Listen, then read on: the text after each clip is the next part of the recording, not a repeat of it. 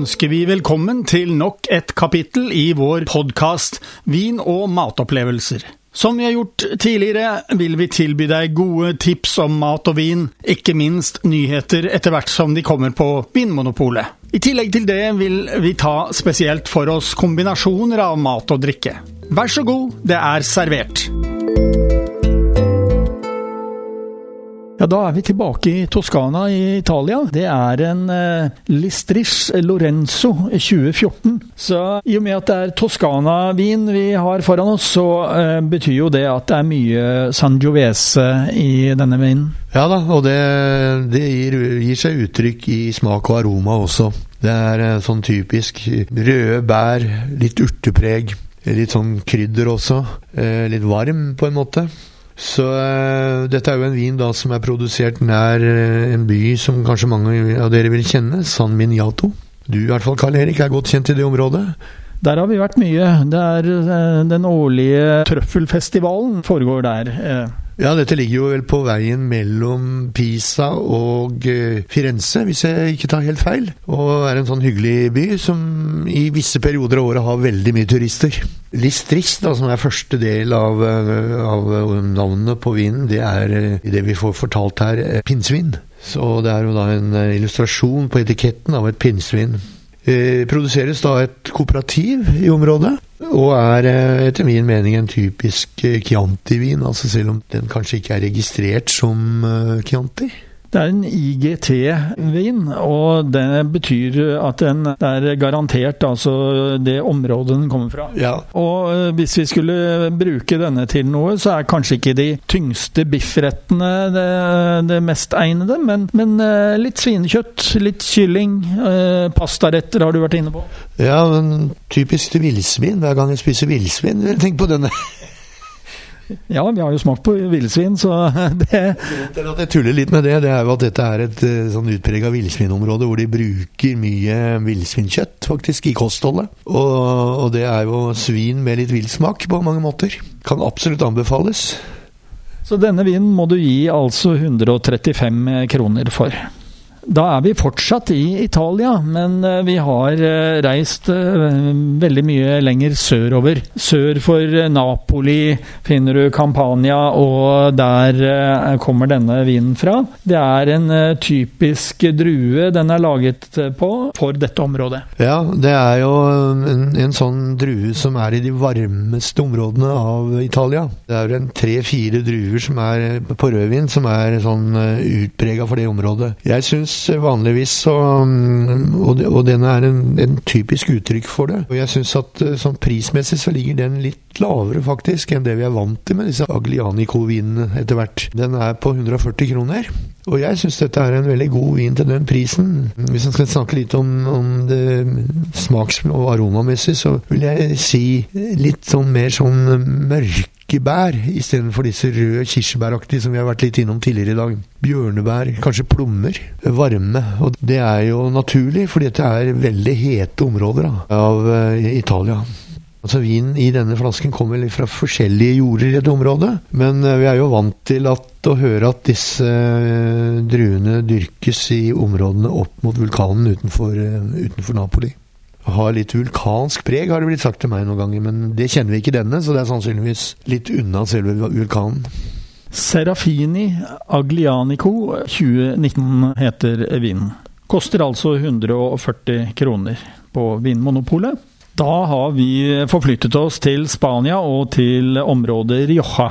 Palacios Ramondo La Vendimia 2019. Det er en vin som heller ikke er spesielt dyr, og i motsetning til veldig mange viner fra Rioja, så er eh, etiketten litt moderne. Ja, dette er en uh, produsent som ønsker å bryte litt med det som er det konservative si, vinuttrykket som er i, i uh, området der nede. Dette er nok en, uh, en, person som ønsker å fornye og finne nye grupper som svermer til vinene sine. Du ser det allerede på etiketten, den er veldig kunstnerisk. Vi har vært nede i området der, vi har sett noen sånn innovative ting der nede.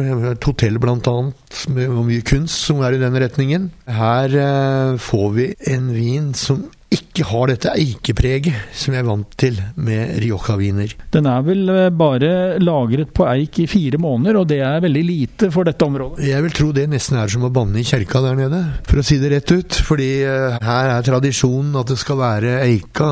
Rioja-viner skal gjenkjennes på den tradisjonelle, uh, bestandige måten å produsere på, som de har gjort gjennom lang, lang, lange tider. Her er det en som bryter ut, ønsker å finne seg en kanskje yngre konsumentgrupper, og jeg syns han lykkes godt med det. Den er, har et litt sånn saftig preg, sånn juicy preg, og eh, er veldig anvendelig og en veldig sånn drikkbar vin, altså. Man blir rett og slett ikke tung i hodet av den på samme måten som vi har med noen av disse veldig eiketunge. En eh, drueblanding med 50% Garnacha eh, og 50% Tempranillo. Og det er eh, veldig typiske druer derfra. Ja, det er jo det. Men miksen er kanskje ikke helt tradisjonell. Og måten den er produsert på, gjør at den blir helt annerledes enn det du kanskje vil forbinde med Rioja-viner.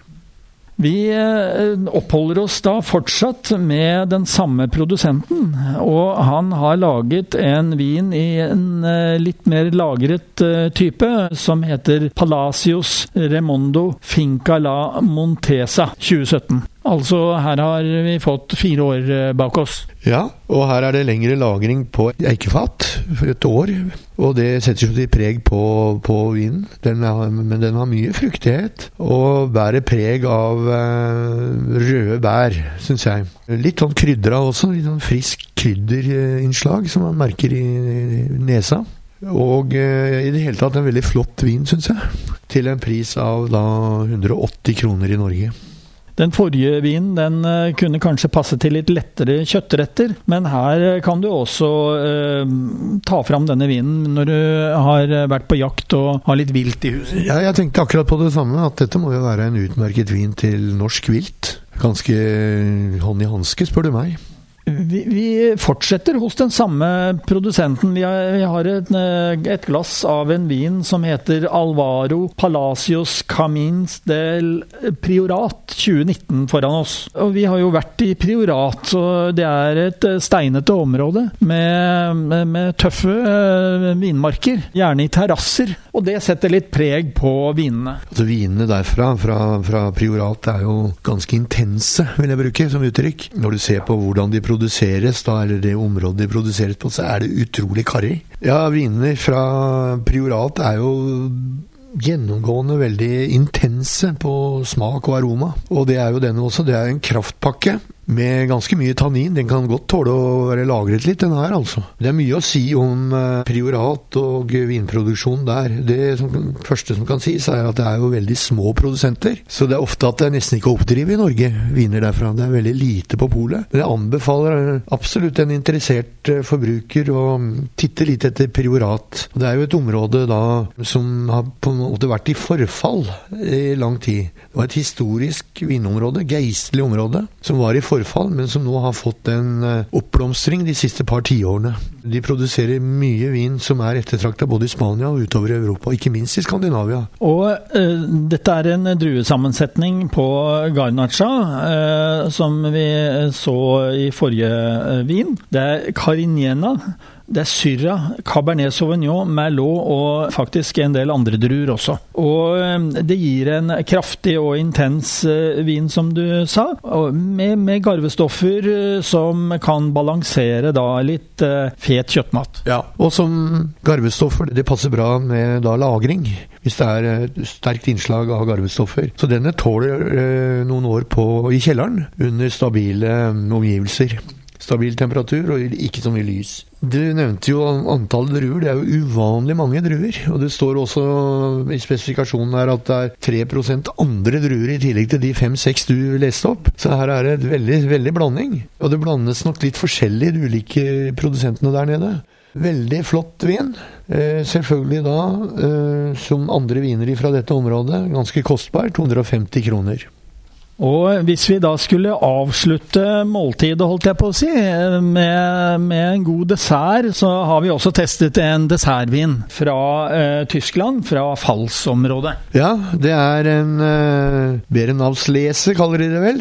Og eh, vanligvis har jeg erfaring at disse produseres på en Riesling-drue. Men her er det en drue som er helt ukjent for meg, som heter Schrøbe og den er 100% Dette er jo da en søt dessertvin.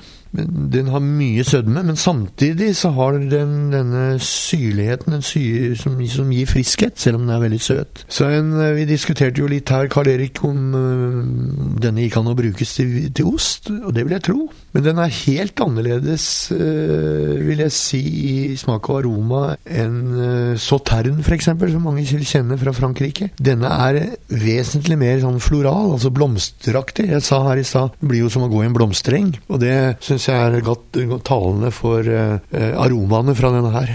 Veldig floral. Den eh, er laget av Weingut Wagek, og den koster altså 230 kroner for en kvartflaske. Det er ikke uvanlig at prisnivået ligger på det leiet. Nei, dette er jo dyre viner, og skal, du skal jo egentlig ikke drikke mye av det, da, men til, vanligvis så brukes jo dette til ett etter hovedmåltidet til desserter. Også ost, som, som du var innom. Men um, det er dyre viner, og det produseres så lite av det. Dette er jo viner som produseres etter at druene har blitt angrepet av en sånn edelråte. Sopp, er det vel. Og så tørker druene ut, og så blir det veldig, veldig mye sødme igjen, som man lager vin på. Og denne har da greid å beholde veldig mye av aromaene og smaken, som setter et veldig sånn særpreg på den. Sikkert et særpreg som skyldes denne spesielle druen, som ikke vi var kjent med fra før.